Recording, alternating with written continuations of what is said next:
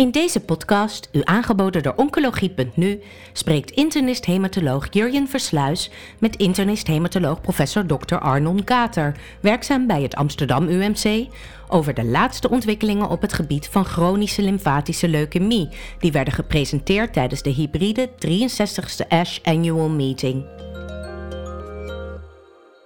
Nou Arnon, welkom bij deze podcast over de hoogtepunten op het gebied van CLL van ASH 2021 in Atlanta.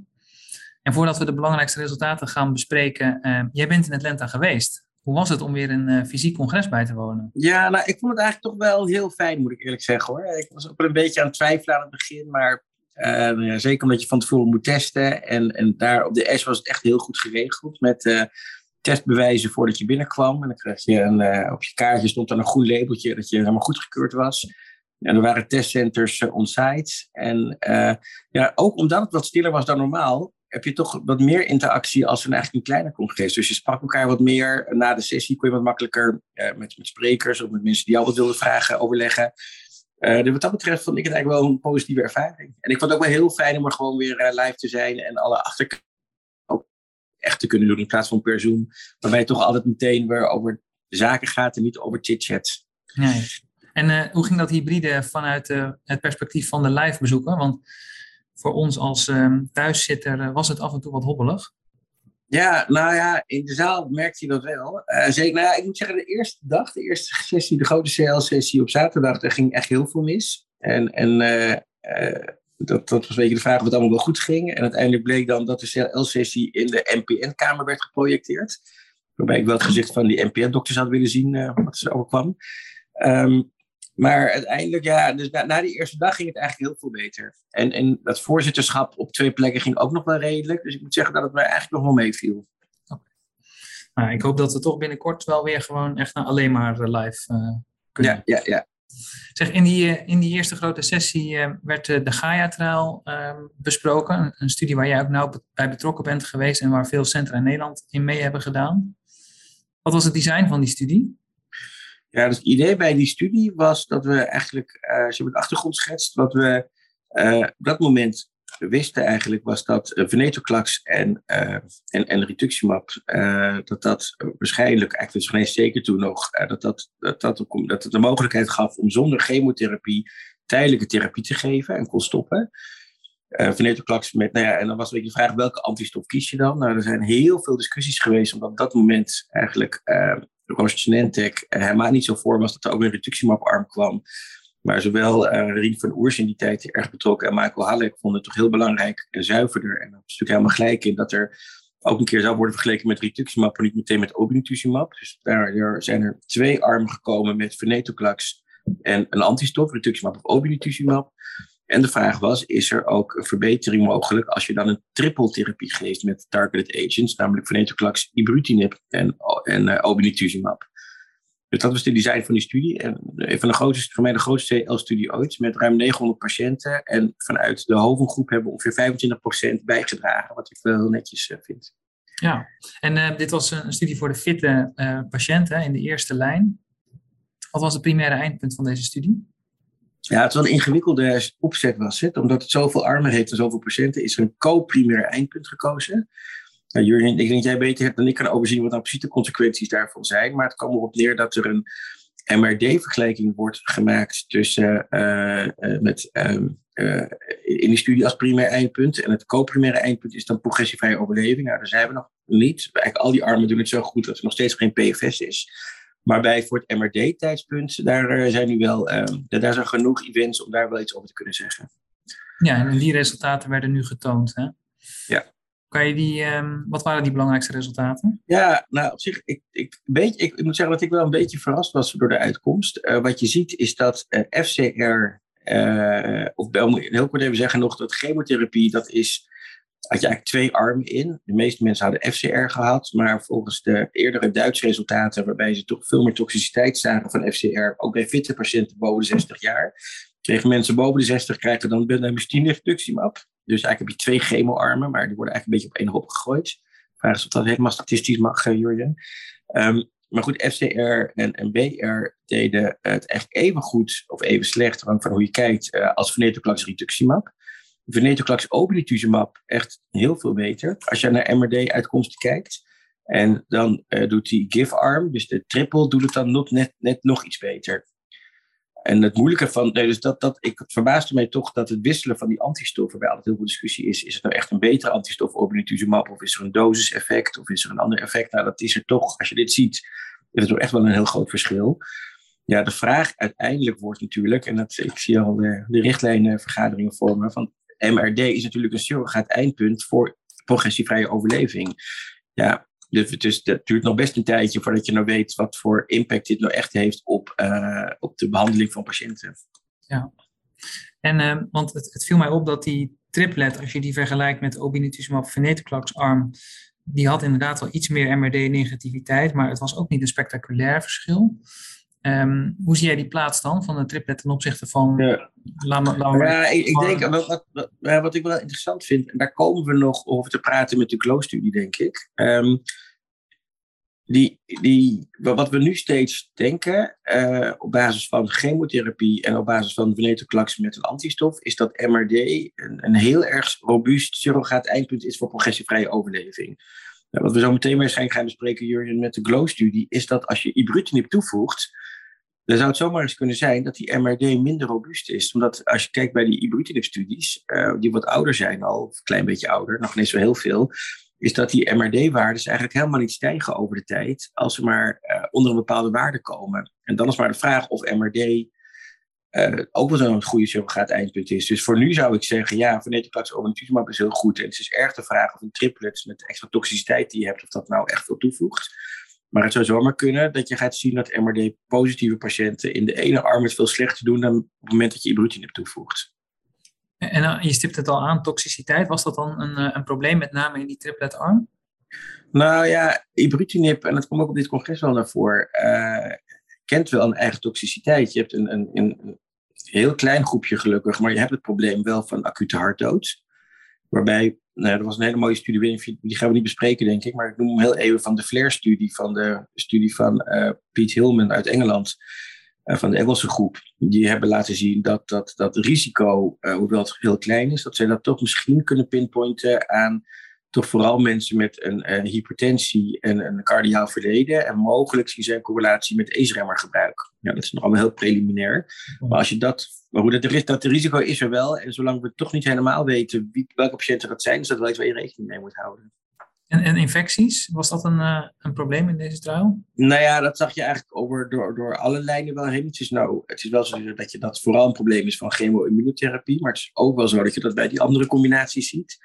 Venetoclax geeft wel neutropenieën. Maar als je kijkt naar ernstige, ernstige infecties, dan valt dat ook wel weer mee. Ja, en met ibrutinib, langere termijn, weet je wel dat je soms ook vaker uh, schimmelinfecties ziet. Maar dat, was, dat is eigenlijk denk ik meer bij recidivepatiënten. Dat zag je nu eigenlijk niet echt heel duidelijk. Is dan eigenlijk de conclusie dat we tot nu toe even eerst moeten wachten op de PFS-eindpunten voordat we. Ja, ik denk het wel. Ik denk dat je, ik denk dat je voorzichtig moet zijn om. Ik denk dat het heel interessant is dat je, dat je toch wel duidelijke verschillen zag. Maar of dat zich nou echt vertaalt in PFS, dat, dat, vind, ja, ik vind echt dat je daar nog op moet wachten voordat je hier nou de richting op gaat aanpassen. Ik, ik vroeg me nog af, hè, veel van de CLL-trials werd MRD in betrokken, precies omdat je zegt dat dat uh, mogelijk een goede surrogaatmarker is. Nou, werden in de meeste trials MRD op meerdere manieren bepaald. Perifeer bloed um, en of B-merg. En daar zaten toch, viel mij op, wel wat verschillen in, in, in detectie. Hoe kijk jij daarna? Ja, nou, goed gelezen, Jurje. Dat is goed. Uh, nou ja, dus dat, het is natuurlijk eigenlijk vervelender voor patiënten als je een B-merg moet doen. En, maar het, het komt uit de tijd van de, uh, de Duitsers die met chemo-immunotherapie, de CL8, CL10, CL11, die hebben elke keer laten zien dat er best een groot verschil zit tussen B-merg en bloed-MRD. Waarbij B-merg toch ja, vaak positief is als bloed negatief is. Dus dan zou je zeggen dat het gevoeliger is. Dat verschil is met de venetoclax combinaties lijkt dat een beetje weg te vallen. Dus dat zie je zowel in de venetoclax plus I-studies voor sibrutinib, als ook in de venetoclax plus antistofstudies. Zie je dat die waarden naar elkaar toe kruipen, met maar een heel klein verschil nog. Ja, dan kun je wat je ook kan afvragen over MRD. Dus uh, we, noemen, we hebben het altijd over undetectable MRD als je onder 10 tot de min 4 bent. Maar eigenlijk komt het nog uit de flow-periode. Nu gaan we toch langzaam, gaat elke studiegroep over op NGS. Ja, en dan, kun je, dan wordt het ineens belangrijk of je 10 tot de min 5 of 10 tot de min 6 haalt. Ja. Of je dan nog een verschil in beenmerg hebt, dat is nog ineens zo heel duidelijk eigenlijk. Maar als je kijkt naar die 10 tot en min 4, dan valt met de targeted agents dat verschil eigenlijk wel een beetje weg. Oké. Dus de vraag is maar of we echt daadwerkelijk veel meer beenmergpuncties moeten gaan doen bij de behandeling van CLL. Ja, dus de hoop is een beetje dat, dat je toch uh, nou, dat je het misschien wel moet doen voor je primaire eindpunt, maar dat je de monitoring daarna echt heel goed op bloed kan doen, zoals we ook in de hoofdstudies nu doen. Ja. Nou, en, en, de volgende studie, die GLOW-studie waar je al aan refereerde, dat was een studie die NGS-MRD gebruikte om um, uh, ook daar de MRD vast te stellen. Ik vond dat best een elegante studie. Um, wat kan je daarover vertellen?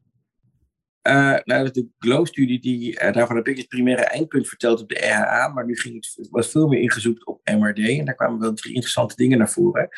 Dus hebben heel kort voor de luisteraar. Dus de, de GLOW-studie is de uh, eerste fase 3-studie, na een paar fase 2-studies, die laat zien dat de combinatie van ibrutinib en venetoclax, um, of die vergelijkt de combinatie van ibrutinib en venetoclax met standaard chemo-immunotherapie. En dit was dan echt een hele niet fitte patiëntengroep met, met gemiddelde SEER-scores, dus een comorbiditeitsscore van boven de 6. Bijna iedereen had hypertensie en cardiale problemen van tevoren, of is een grote, grote meerderheid.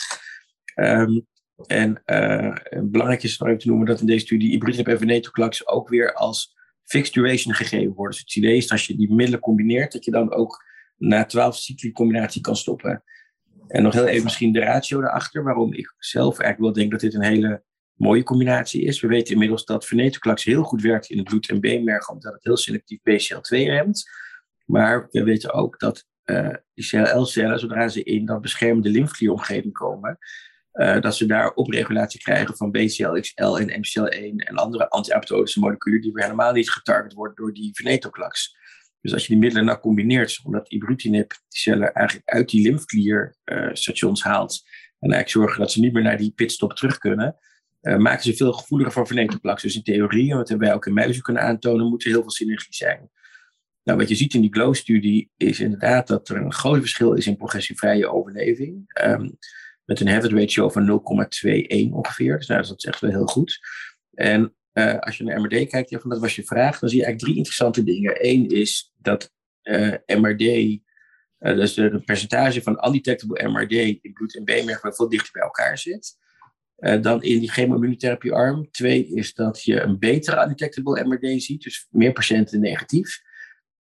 Maar het derde, en dat is misschien toch wel het interessantste, daar hadden we het net al over, is dat ook patiënten die niet MRD negatief waren, als je kijkt naar het, het uh, einde van behandeling plus drie maanden versus einde van behandeling plus twaalf maanden, dan zie je, en dat zijn we eigenlijk al gewend van alle studies, dat mensen met chemoimmunotherapie, die iedereen die positief is, blijft eigenlijk doorstijgen. Het is een CML-patiënt, kan je zeggen, je moet één of twee logs omhoog gaan.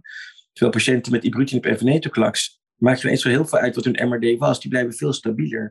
Nou, of dat nou komt dat we nu veel meer die lymfeklier aanpakken, dat zou heel mooi zijn, maar dat lijkt er wel een beetje op. Ja, en was in deze studie MRD-respons dan ook geassocieerd met uitkomst? Uh, ja, nou, nee, nou, wel een beetje. Maar, maar dat, dat, is, dat, dat is minder duidelijk, vind ik. Dus ik denk ja. dat je in deze studie niet zo hard kan roepen dat, dat, uh, dat MRD zo'n ideale surrogaat eindpunt is voor deze combinatie. Nee. Het viel mij op dat dat wel zo was in de chlorambucil, dus de controlearm, de chlorambucil ja. arm Maar met na, eigenlijk vooral in de ibrutinib venetoclax arm, dat die PFS opvallend gelijk was, um, ook voor patiënten zelfs met MRD. Ja. Dus dat die therapie gewoon heel effectief is. Ja, nou, precies. Ja, waar ik een beetje bang voor ben, en van ik, ik heb best veel vragen erover gehad, uh, is dat men teleurgesteld wordt omdat die MRD-rate dan niet zo heel mooi is. Uh, negatieve, dus de undetectable MRD. Maar goed, als dat geen goede surrogaat eindmarker is, dan is dat natuurlijk helemaal niet zo heel erg. Alleen we zijn zo gewend dat MRD nu het eindpunt mag zijn, dat ik denk dat dat een beetje verkeerd geïnterpreteerd kan gaan worden anders. Ja. Dus de, de jury is nog steeds niet uit um, hoe we met MRD uiteindelijk zullen omgaan. Maar nee, en het is natuurlijk wel eigenlijk erg. Het is wel heel fijn om, omdat zeker CL natuurlijk toch een, een uh, gelukkig maar een ziekte van lange adem is. Uh, is het ook wel fijn om een zo'n heel vroeg eindpunt te hebben. En ergens teleurstellend als dat niet voor alles werkt. Maar goed, het is wat het is. Ja. Ja, um, en ook hier uh, was de follow-up uh, natuurlijk nog relatief onrijp. Althans, um, uh, ik zag een mediane follow-up die. Nog nee, klopt zeker. Ik denk dat we de komende jaren op de Ash elke keer updates gaan zien. En dan denk ik, ja, wat, wat saai. Maar het is toch wel belangrijk, omdat die middelen zo effectief zijn. Je moet echt wel die follow-up zien om te weten Het grote verschil natuurlijk met een ziekte als een AML is dat, dat, dat uiteindelijk eh, zijn die mensen, op het moment dat ze in remissie zijn, kunnen ze, het kan heel lang duren voordat ze nieuwe behandeling nodig hebben. Dat is natuurlijk echt wat relevant is Ja. voor die mensen. Ehm, zullen we het over een eh, ander middel gaan hebben, ehm, eh, wat in een fase 3-studie werd besproken, ook voor onbehandelde, eh, niet fitte patiënten, of althans patiënten ouder dan 65 jaar, de Sequoia-studie uit Australië.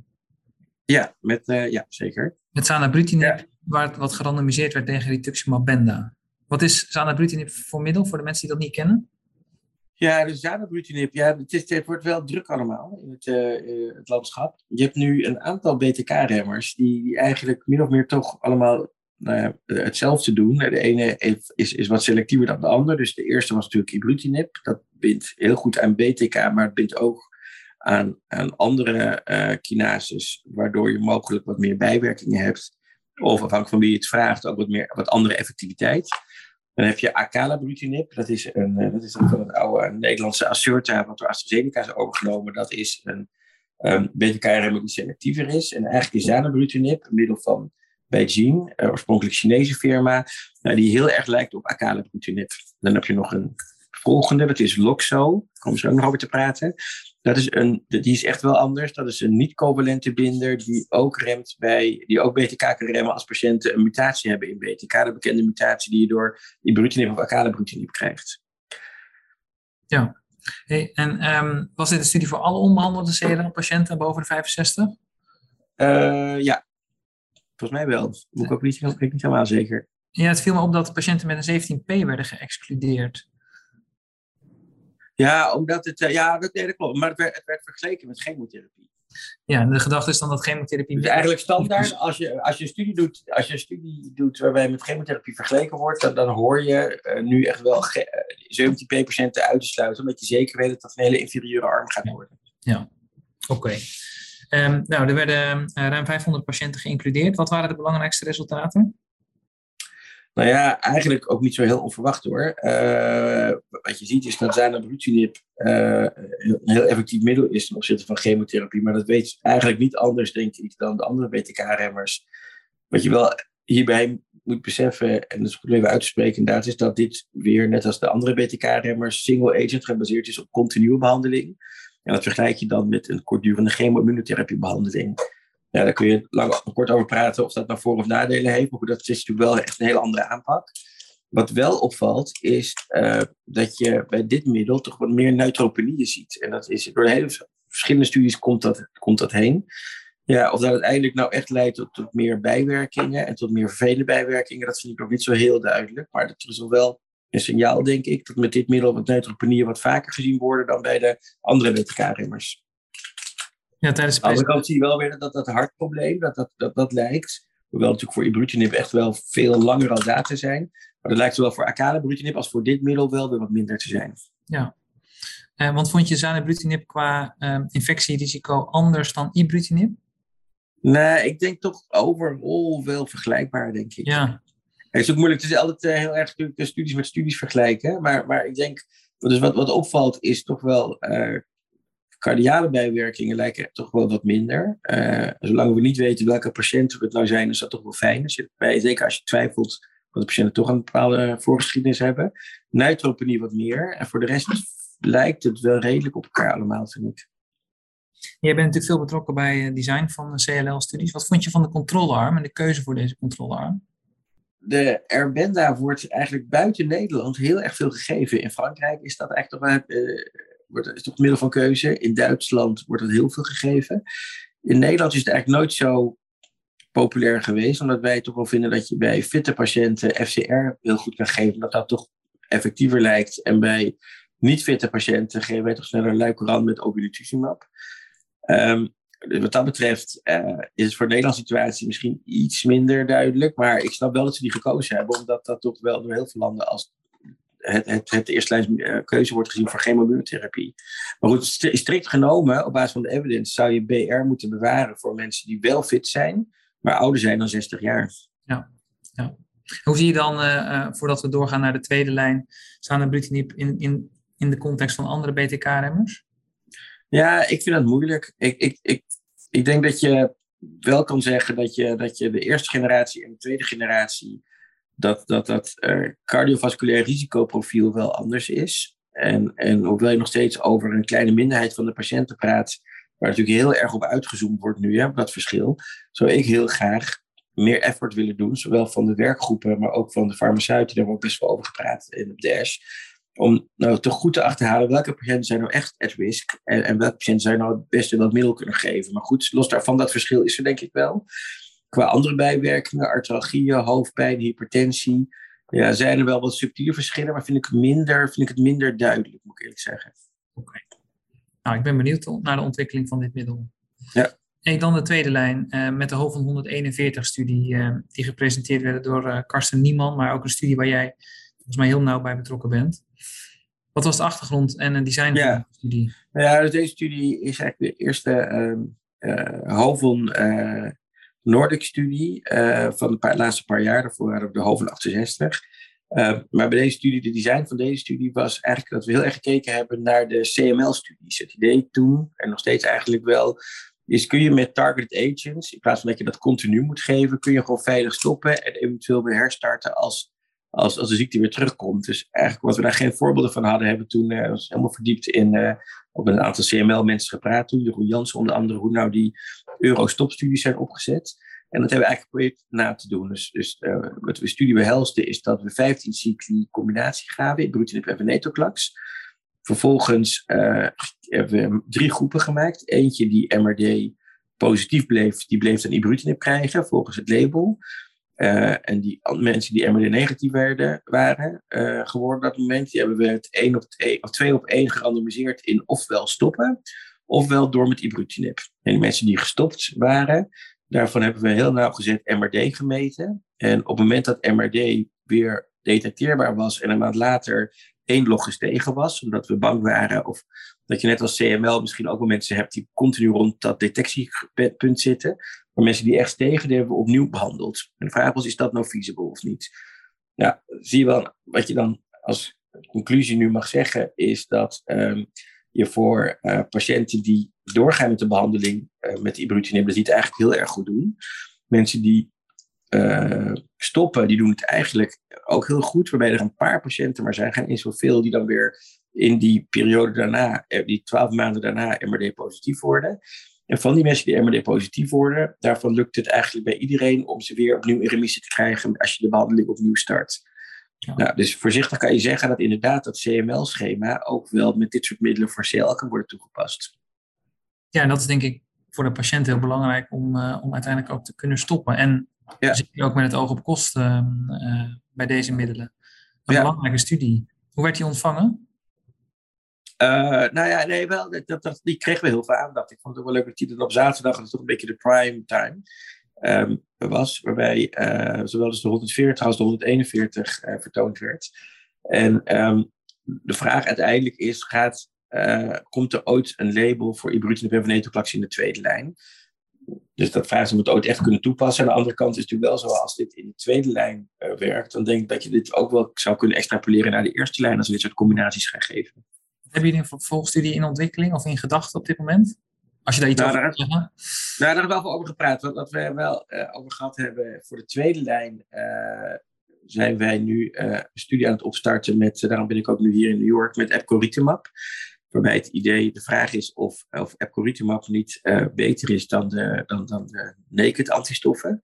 Dus we hebben nu, heb ik een fase 1-studie uh, getoond, waarbij epcoritamab als single agent voor het eerst aan CL-patiënten wordt gegeven, de CD3, CD20 antistof.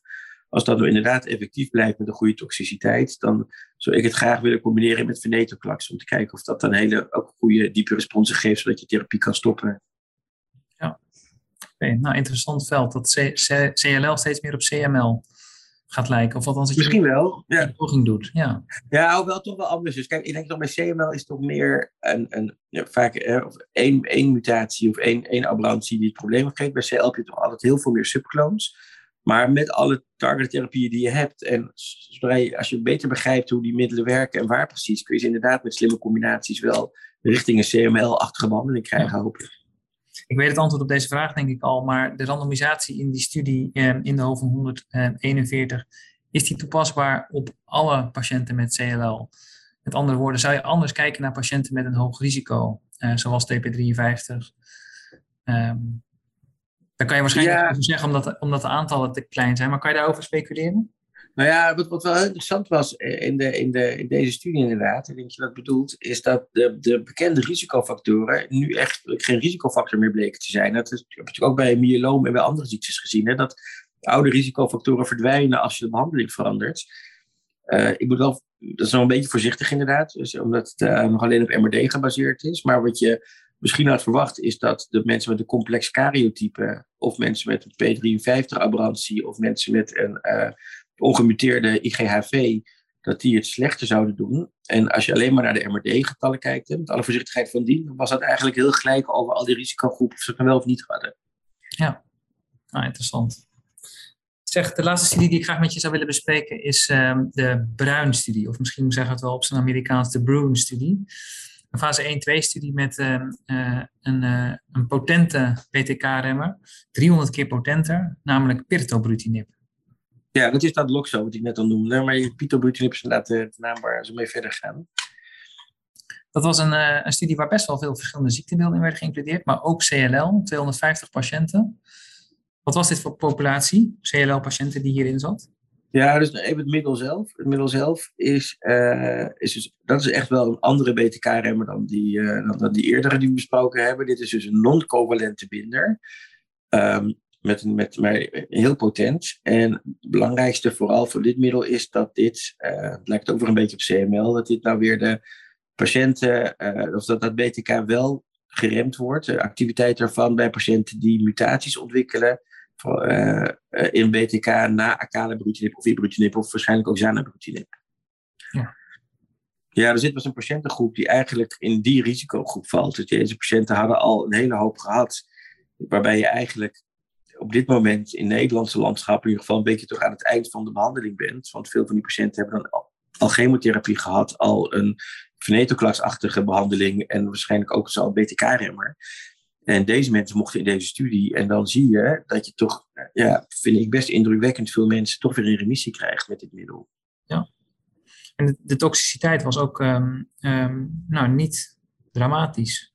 Nee, klopt. Nee, dus ik denk dat dus de, ze zijn natuurlijk als laatste erbij gekomen. Dus zij, uh, dus, wordt heel erg gemikt nu op de, op de refractaire markt. Maar uiteindelijk is natuurlijk de vraag: wat zou er gaan gebeuren als je dit in eerdere lijnen inzet? En is dit misschien zelfs potenter of, of geeft het een heel ander profiel dan we gewend zijn van de, uh, van de andere BTK-remmers? Dus dat is weer een interessante, nieuw interessante lood aan de tak is of een non-covalente remmer. Misschien als je het head-to-head gaat vergelijken, wat ook wel het plan is, of dat dan toch een heel ander profiel geeft dan de covalente remmers. Ja, en, en zie je dan ook nog combinatietherapieën? Uh, ja, nou, dat gaat er wel komen, denk ik. Ik denk dat dat, dat, dat nog niet er is, maar het ligt natuurlijk enorm voor de hand om dan over te vergelijken met venetoclax en, uh, en, en, en ja, met antistoffen. Hoewel ik wel moet zeggen dat zeker na deze S ik nog overtuigd ben dat het toevoegen van een moleculare antistof aan een BTK-remmer, dat het toch eigenlijk wel heel weinig toevoegt. Dat liet ook de Amerikanen weer zien met langere follow-up van, uh, van, van, hun studie, waarbij ibrutinib al dan niet met rituximab was gecombineerd. Maar er is dus wel heel duidelijk een, een, een verbetering. En, en je kan dus stoppen met de behandeling als je een BTK-remmer combineert met een BCL2-remmer.